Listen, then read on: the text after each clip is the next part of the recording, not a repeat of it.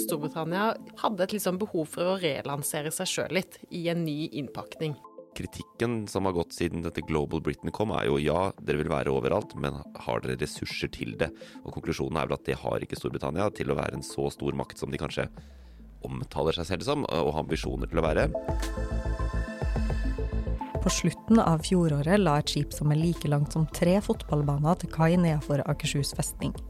Symbolverdien i at det største hangarskipet som noensinne er bygga for Storbritannia, nettopp besøkte Norge, skal man ikke kimse av, som vi skal høre av denne episoden. Hva er Storbritannias rolle i europeisk forsvars- og sikkerhetspolitikk nå som Russland har gått til krig i Ukraina? Hvilke likheter er det mellom Norge og Storbritannia, som begge er utafor land i EU nå, når det kommer til forsvar og sikkerhet? Hvordan ser samarbeidet landene imellom ut? Og hva har det å si for Norge at britene vender blikket nordover? Alt dette og mer til skal NUPI-forskerne Øyvind Svendsen og Kristin Haugevik hjelpe oss å svare på. Mitt navn er Ane Teksum Isbrekken, og du hører på Utenrikshospitalet.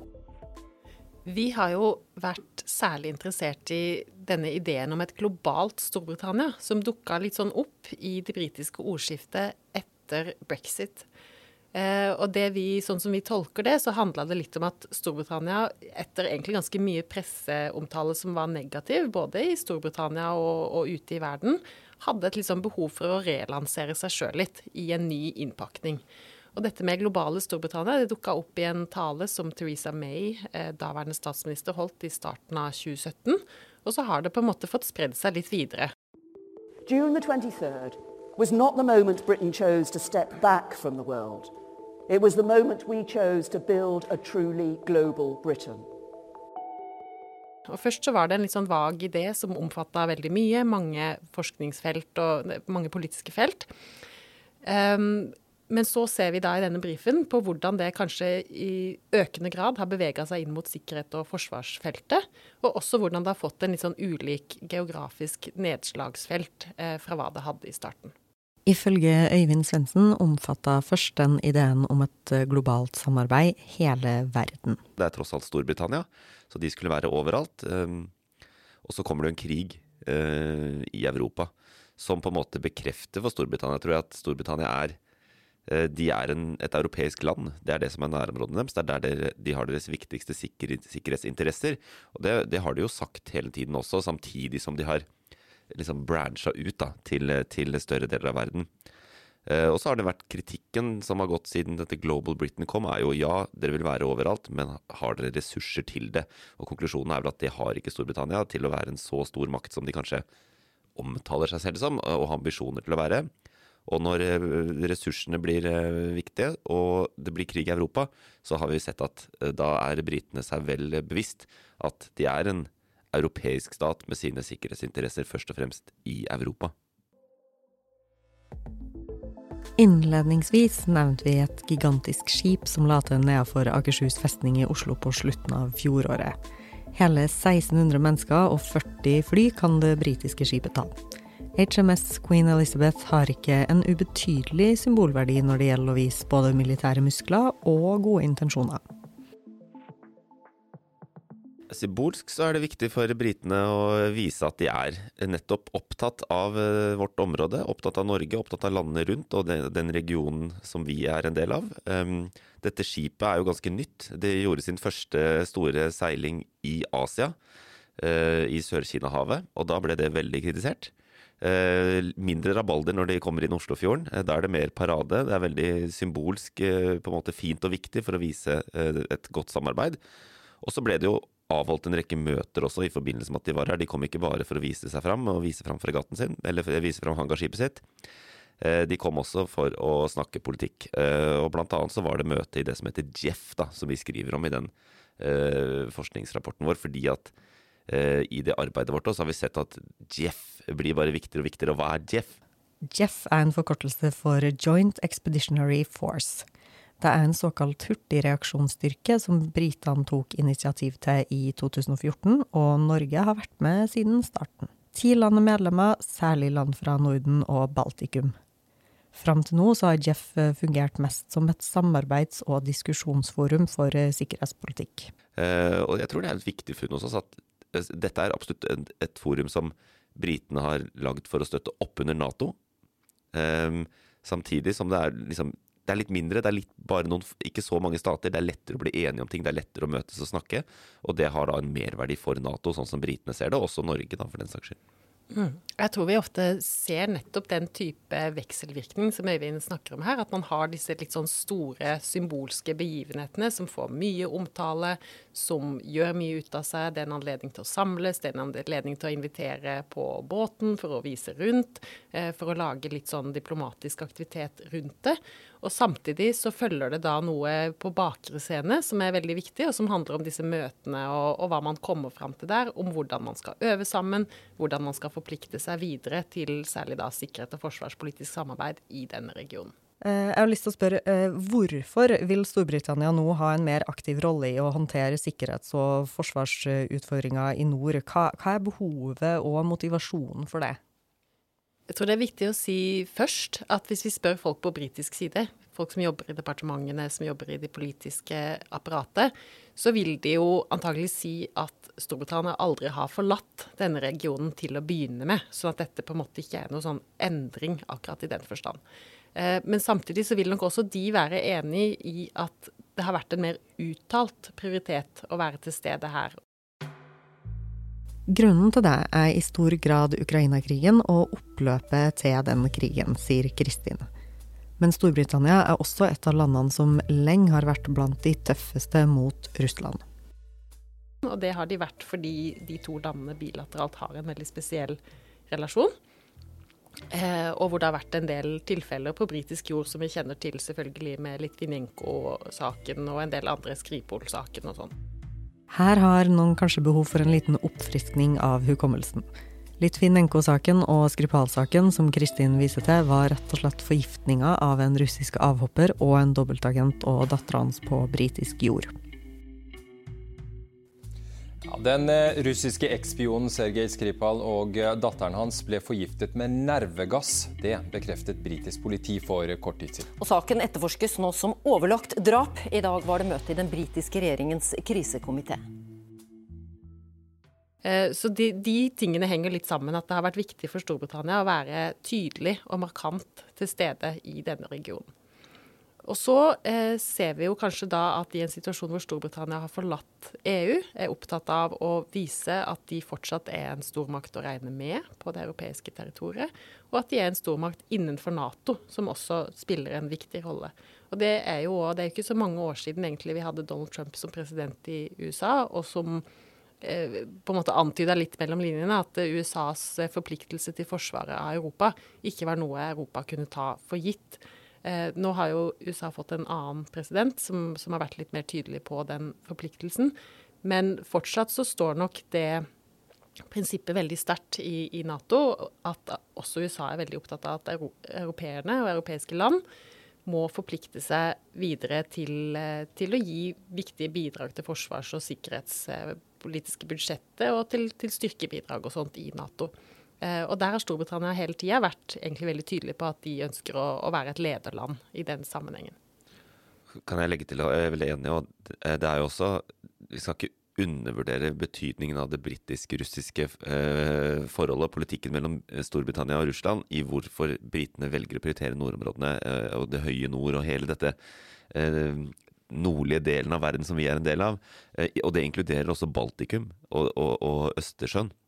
Uh, og britene har jo uh, ubåter. De er jo en del av disse statene som faktisk eh, navigerer rundt i verden med ubåter som bærer atomvåpen.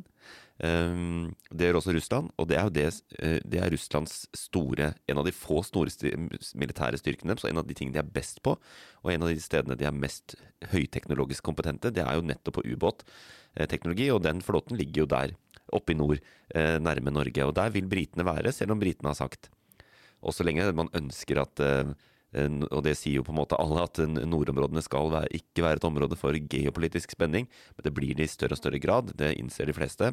Og da vil britene være med, for de ser seg selv som en stormakt som er nødt til å uh, være med der hvor ting skjer. Men hva slags betydning har denne mer aktive rollen til Storbritannia i nord for oss uh, i Norge, da?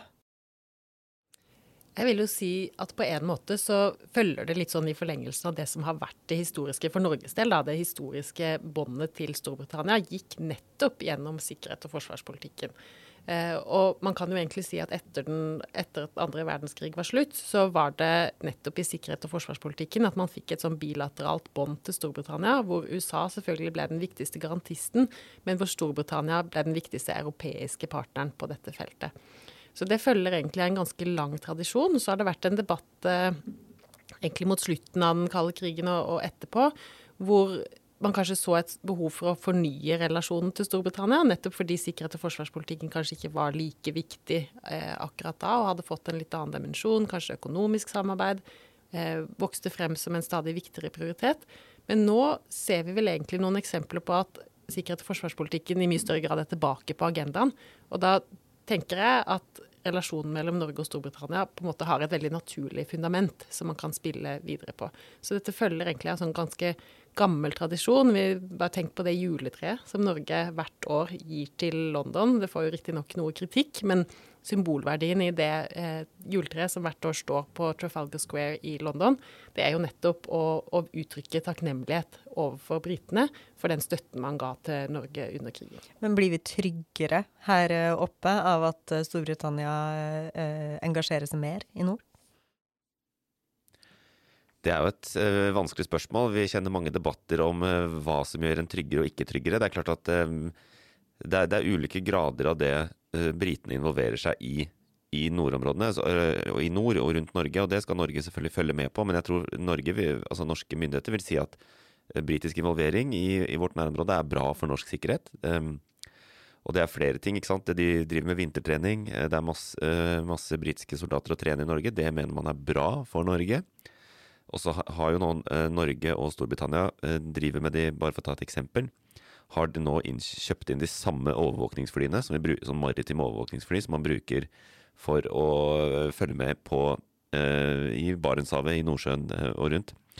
Og her er jo, ser jo norske myndigheter klare fordeler ved at Norge og Storbritannia har samme plattform, samme fly, så man kan samarbeide tettere om overvåkning av Norges nærområder. Og det eh, vil nok Norge sier er utelukkende positivt da, ved at britene involverer seg. For det her var egentlig mitt neste, går inn på mitt neste spørsmål også. Det er hvordan vi samarbeider med britene om sikkerhets- og forsvarspolitikk i dag. Og du Øyvind var jo inne på denne her Joint Expeditionary Force. Um, altså hvor, hvor tett er på en måte det samarbeidet, hvor viktig er det samarbeidet? Ja, nå har jo Øyvind allerede vært inne på noen av de bilaterale, eh, altså mellom de to statene. Eh, hvordan man samarbeider der med øving og trening og tilstedeværelse. Og skipet har vært nevnt, og juletrærne har vært nevnt. Eh, men så er det i tillegg da på en lang rekke internasjonale fora, som både for Storbritannia og Norge er på en måte der man kanskje har hovedblikket. Og, og selvfølgelig øverst i den pyramiden av ulike samarbeidskonstellasjoner så står Nato. Og for begge land så er det på en måte den sånn ubestridte startpunktet. Eh, men så har det vokst frem også en del sånn underinitiativ. Det er jo verken Norge eller Storbritannia i EU, men begge to, eh, og også da Storbritannia etter brexit, har en veldig sterkt ønske om å samarbeide tettest mulig med eh, sine europeiske partnere. Og så har man alle disse litt sånn mer sånn ymse typene av samarbeidsinitiativ, hvor da Joint Expeditionary Force er ett. Det er også noe som heter Northern Group, som både Norge og Storbritannia er med i. Eh, og det består jo egentlig av da en rekke sånn det man kan kalle likesinnede land, eller de kaller i hvert fall hverandre det, i denne sammenhengen. De landene her har nemlig mye til felles, forklarer Kristin. For eksempel hører de til i Nord-Europa, de har ganske lik måte å oppfatte og forholde seg til verden på, og de ønsker samarbeid som er fleksibelt fra sak til sak. Uh, og det fine med dette Joint Expeditionary Force for de landene som er med der, det er det at det, det, kan omfatte alle landene, eller det kan omfatte noen land. Akkurat egentlig sånn som man ønsker, så man kan skreddersy koalisjonen litt til oppdraget, på en måte. Uh, en annen ting som er, tror jeg er positivt for deltakerlandene med Joint Expeditionary Force, det er at det opprinnelig vokste frem som en slags underkategori av Nato. Eh, så at man allerede nevnte jo at Nato står øverst i pyramiden, og der har man på en måte NATOs grønt lys fra Nato for at eh, Joint Expeditionary Force eh, kan eksistere og forholde seg til sikkerhetssituasjonen i verden. Og så kan de gå inn før Nato kommer inn, eller istedenfor Nato. Litt avhengig av hva som blir beslutningen. Enn så lenge så har Joint Expeditionary Force vært et samarbeidsforum hvor man har snakka og konsultert, men det kan endre seg. Et eksempel er da disse gassledningene, gassrørledningene ble eh, utsatt for sabotasje i Østersjøen tidligere i år. Internt så var det snakk om at dette er et mulig område hvor Jeff, Jeff-landene kan gå sammen og samarbeide om å etterforske, finne ut av hva som har skjedd, patruljere området og den type ting som måtte gjøres i forbindelse med den sabotasjeaksjonen. Og så landet man på å ikke gjøre det. Det ble ikke Jeff. Og, og, noe av grunnen til det, eh, vi vet ikke helt hvorfor, men det kan f.eks. ikke Dette var i Nordsjøen. Ehm, eh, eh, Østersjøen, mener jeg. og, og, her hadde Tyskland også interesser av å være med, og Tyskland er ikke med i Jeff. Sant? Så da, og, og, ikke sant? Alt dette foregår under rammen av Nato, dette er allierte land alle sammen. Så da var det nok en sånn byråkratisk vurdering på et eller annet tidspunkt hvor noen sa det blir kanskje vanskelig å, å bruke Jeff denne gangen, så valgte man heller da å, å, å gå bredere ut og bruke Nato. Um, at, at, ikke det var liksom Jeff sitt øyeblikk. Eh, men sånne type hendelser, da, som den eh, sabotasjeaksjonen, eh, er et eksempel på hvor Jeff liksom kan faktisk, ja, konkret disse landene kan sende noen styrker, finne ut av det, sende noen skip, det som trengs, og gå inn og løse et eller annet form for oppdrag. da. Og Det som er viktig der, er at det, det oppdraget ligger da selvfølgelig under Natos artikkel 5. Den eh, forpliktelsen om at et angrep mot én er et angrep mot alle. Den type saker, det skal selvfølgelig for alle disse Jeff-landene også, eh, gjennom Nato. Mens andre ting, hva kaller vi det, eh, på engelsk så sier man low threshold, altså lav, ting med lavere terskel. Eh, der kan Jeff være et instrument man kan bruke. Mm, for det er jo et spørsmål som melder seg. Trenger man egentlig Jeff når man har Nato? Altså Trenger man alle de her andre egne samarbeidene? Mm, det er et veldig godt spørsmål. Og så går det an å ta et steg tilbake da og si at eh, det som er litt uh, situasjonen nå, det er jo at Nato vokser. Nato kommer til å få to uh, nye medlemsland om ikke så altfor lenge. Eh, og det er i seg sjøl to land pluss, på en måte. Det er kanskje ikke verdens største økning, men eh, det at Sverige og Finland blir med, gjør jo at eh, både Norden og Nord-Europa blir en tyngre regional og geografisk enhet innenfor Nato. Og det kan kanskje også gjøre at, at, vi får se fremover en litt sånn tydeligere arbeidsdeling i Nato i forhold til hvor de ulike landene velger å legge tyngdepunktet sitt. Opprinnelig, forteller Kristin, så vokste Jeff fram som et samarbeid mellom flere Nato-land, men i tillegg så fikk ikke Nato-medlemmene Sverige og Finland bli med. Nå, når Sverige og Finland er i gang med å bli Nato-medlemmer, returnerer igjen Jeff til å være et samarbeid bestående av Nato-land. Men behovet for den, som var det du spurte om, eh, vil jo nettopp være fordi mange av disse landene er litt sånn fleksible. Vi kaller de for fleksilateralister i det policy-notatet som vi har skrevet. Eh, og med det så mener vi på en måte at mange av disse landene de har en ganske pragmatisk tilnærming til sikkerhetspolitikk. De ønsker egentlig å samarbeide med andre, men de vil også åpne for at de som ikke vil være med, kan velge å melde seg ut. Eller velge å ikke være med. Eh, og Derfor så vil et format som Jeff være anvendelig, i den forstand at eh, man kan invitere med de som ønsker å være med, mens det ikke utløser noen sånn organisatoriske, problematiske situasjoner ved at noen ikke blir med. Det, det, er nesten så man kan tenke på det som en sånn verktøykasse av bestående av en rekke sånn ulike allianser og land. Eh, hvor man åpner den verktøykassa og så tenker man her har vi en utfordring, her har vi et problem. Hva er det best egnede forumet for å løse det? Ok, vi må litt tilbake til Storbritannia også. Eh, vi vet jo at Nato har satt som mål at alle medlemsland skal bruke minimum 2% av bruttonasjonalprodukt på forsvar. Og Storbritannia bruker jo faktisk over 3% nå. Og da er spørsmålet hvorfor så mye? Sånn som Norge når jo ikke 2 %-målet engang til sammenligning, selv om vi deler grense med Russland.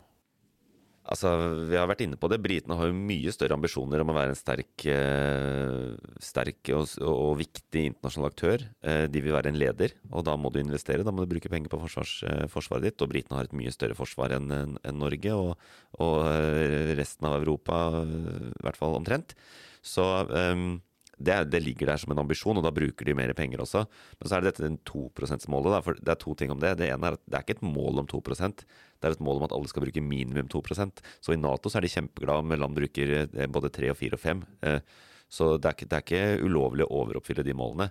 Men så er det også sånn at eh, britenes økonomi ikke akkurat vokser etter brexit. Altså Britene står i en vanskelig tid økonomisk, og, dette, og det er jo den kritikken mot 2 %-målet at om du når det eller ikke, er også avhengig av hvor stor økonomi du har. Eh, så for britenes del, eh, de trenger jo Hvis økonomien deres fortsetter å eh, krympe, så trenger de ikke å bruke mer penger på forsvar, egentlig. Det prosenttallet vil jo gå opp uansett. Mm. Men det som er interessant med et sånt prosenttall, er jo likevel, og helt enig i det som Øyvind sier, det har også noe med totale budsjettstørrelsen å gjøre, selvfølgelig. Og for Norge, etter hvert som vi har, har, en god størrelse på det budsjettet, så vil jo også da det man må bruke av kroner og øre på eh, sikkerhet og forsvarspolitikk, vil jo da på en måte bli større med at selve budsjettet er større. Men det det har noe å si for, eh, hva prosentandelen er, det er jo hvor mye man satser på sikkerhet og forsvar relativt til andre politikk- og samfunnsfelt. Og der er det jo en viktig indikator. Den viser på en måte det at Storbritannia ønsker å bruke 3% viser hvor mye de relativt sett er opptatt av forsvar eh, i forhold til andre politikkområder, da. Uh, og Øyvind, du snakka om, leder jo oss eh, inn på et annet spørsmål. Og det er var brexit dårlig eller bra for britisk forsvars- og sikkerhetspolitikk? Her også tror jeg svaret er sånn lavpraktisk. Vi må inn i hverdagen til de som jobber i, i liksom forsvarssektoren eh, i disse landene. Fordi EUs uten, forsvarspolitikk er relativt begrensa. Eh, samtidig så skjedde det jo samtidig med at britene forlot EU, e at EU har tatt, gjort en del satsing innenfor forsvarspolitikk. Så kan man si hvorfor. Kanskje det var fordi britene dro at det ble lettere for EU. Fordi britene var absolutt en brems, en slags Eh, det har blitt sett på som en brems for EU til å ta større steg i eh, forsvarspolitikken. Så, men britene var jo, særlig under Boris Johnson, helt tydelige. Dette er ikke interessant. Vi bryr oss ikke om uh, forsvarspolitikken i EU. Det er opp til Storbritannia selv å definere sin forsvar- og sikkerhetspolitikk. Så, da, var, så det, de gikk jo ut av EU uten noen som helst avtale. Nå er britene imidlertid mer åpne for å samarbeide med EU i diverse spørsmål om forsvar og sikkerhet. Øyvind forklarer bl.a. at EU har satt i gang et prosjekt om det som kalles militær mobilitet. Kort fortalt så handler det om å bygge ned byråkratiske hindre for at EU-land kan flytte militært utstyr på tvers av kontinentet. Ganske aktuelt med en uh, storkrig uh, øst i Europa, der også uh, de fleste land i Europa bidrar med militært utstyr. Veldig komplisert å få gjort det. Så Det er Norge også med for øvrig, da, sammen med USA og Canada, som, som utenforland. Så der er britene allerede bedt om å få bli med. Og det er visst eh, flere ting under oppseiling, flere områder hvor britene ser at eh, dette er kanskje interessant. Eh, kanskje spesielt, i tillegg til dette med militær mobilitet, på spørsmål om eh, forsvarsindustri. EU gjør faktisk, har gjort ganske mye på å sentralisere en del investeringer i forsvarsindustri. Eh, legge til rette for, for, for, at forsvarsindustrien skal kunne liksom bidra med det, det, utstyret og produsere de tingene som trengs. Og mye tyder på at britene øh, liksom begynner å snuse på det, at kanskje vi burde være med på dette. Eh, så sånn sett så har de i hvert fall selv kanskje innsett at de, de, selv om ikke sant, igjen, I denne arkitekturen så er det Nato øh, som er det viktigste, men det er faktisk noen, de ser noen fordeler med det å være med i EU-samarbeidet òg, som de per nå ikke har, da, fordi de valgte å gå ut. Brexit-kampen i Storbritannia dreide seg om en rekke betente spørsmål. Økonomi og innvandring sto høyt på agendaen, for å nevne noe. Men akkurat utenriks- og sikkerhetspolitikken var ikke sånn kjempeviktig for britene, ifølge Kristin. Så den kritikken fra Storbritannia som gikk på kanskje at beslutninger ble tatt over hodet på en fra Brussel, og at man ble pålagt en del begrensninger og retningslinjer som man ikke ønska, den har ikke gjeldt i så stor grad eh, for eh, sikkerhet og forsvarspolitikken. Og Derfor er det nok også en lavere terskel for å vende tilbake til denne delen av samarbeidet, og også mindre kontroversielt i befolkningen. Eh, og Der har vel kanskje Storbritannia bevega seg litt i den retningen som Norge har vært i, at de to som tredjeland eh, kanskje fremover kan, kan, eh, tenkes å få en litt likere tilknytning til EU som tredjeland i sikkerhet og forsvarspolitikken. Dette er jo Utenrikshospitalet, og da må vi diagnostisere. Så for å oppsummere. Britisk-norsk sikkerhets- og forsvarssamarbeid, hvordan står det til med det? Ja, hvordan står det til med det? Jeg tror diagnosen er at det er ingen, ingen, krise, ingen døende pasient. Men i veldig lang tid så har det jo vært sånn at på en måte Norge og Storbritannia har hatt en god relasjon, men det er en relasjon som har gått litt sånn under radaren. Så det at sikkerhet og forsvarspolitikk nå er tilbake for fullt, tror jeg på en måte betyr at det forholdet har litt mer relevans igjen. Eh, det er på en måte litt mer relevant for norske og britiske politikere å snakke sammen. Det er litt mer relevant for Storbritannia å være til stede i Norge. Så på en måte den delen av det tror jeg på en måte betyr at det kanskje pasienten er litt mer vigør da, enn, en det den har vært. Uh, og Jeg nevnte jo i stad dette juletreet som Norge har gitt til Storbritannia siden etter andre verdenskrig, og som handla om å uttrykke takknemlighet for den andre, krig, andre verdenskrigs bistanden som Storbritannia ga til Norge. Og så har det vært snakka om fra politisk krets at det er jo vel og bra, men så har man også trengt noe som, som gir det relevans i dag, som gjør at, at, forholdet fortsatt har et fundament utover bare den eh, krigsrelasjonen som, som, tross alt begynner å bli mange år nå. Eh, og det er litt interessant å merke seg da, siden jeg snakka om juletrærne, at faktisk er det tre juletrær som gis nå. Jeg var ikke klar over det tredje før her om dagen, hvor jeg ble gjort oppmerksom på det.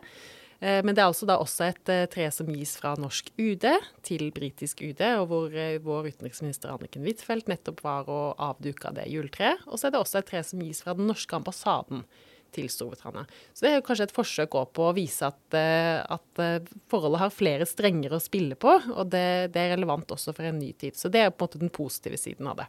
Jeg er helt enig. Jeg tror Norge og Storbritannia har et veldig godt forhold. Så hvis vi skal sette diagnose, så tror jeg det er sånn sånn, uh, i så fall en som kommer til fastlege med diffuse symptomer og blir sendt hjem og bedt om å ringe hvis det blir verre. Så det går, jeg tror det går ganske bra. Men det er også, hvis du, hvis du er kritisk til økt spenning i nordområdene, mer militær aktivitet, hvis du er eh, pasifist, hvis du er eh, imot militarisering, hvis du er med i fredsbevegelsen, siden vi med, driver med diagnostisering her nå, som et annet, sånt perspektiv, da, et annet politisk perspektiv på samarbeid og på forsvarspolitikk, så, så er jo kanskje Da vil du kanskje se Eh, det norsk-britiske forholdet som slags, eh, et slags virus som er i ferd med å kunne bli en pandemi, eller noe sånt. Men det er jo helt avhengig av hvordan du ser på sakene. Vi, når vi forsker på det, så ser vi på hvordan eh, embetsverkene og politikerne våre eh, ser muligheter i dette samarbeidet. Og da tror jeg det er veldig enig med Kristin at det, det, er ikke noe, det er ikke noe alvorlig, noe alvorlig sykdom her. Det er ingen døende pasient. OK, da skal vi runde av denne episoden. Tusen takk til Kristin og Øyvind for at dere var med i dag, og ikke minst tusen takk til deg som har hørt på. Og hvis du vil lære mer om det temaet her, så kan du søke opp forskningsnotatet Global Britain and Security in the Near Abroad på nupi.no. Og hvis du vil høre mer fra oss, så anbefaler jeg at du søker opp Utenrikshospitalet der du hører podkast. Sjekk også ut de to andre podkastene våre, The World Stage og Hvor hender det? Vi høres!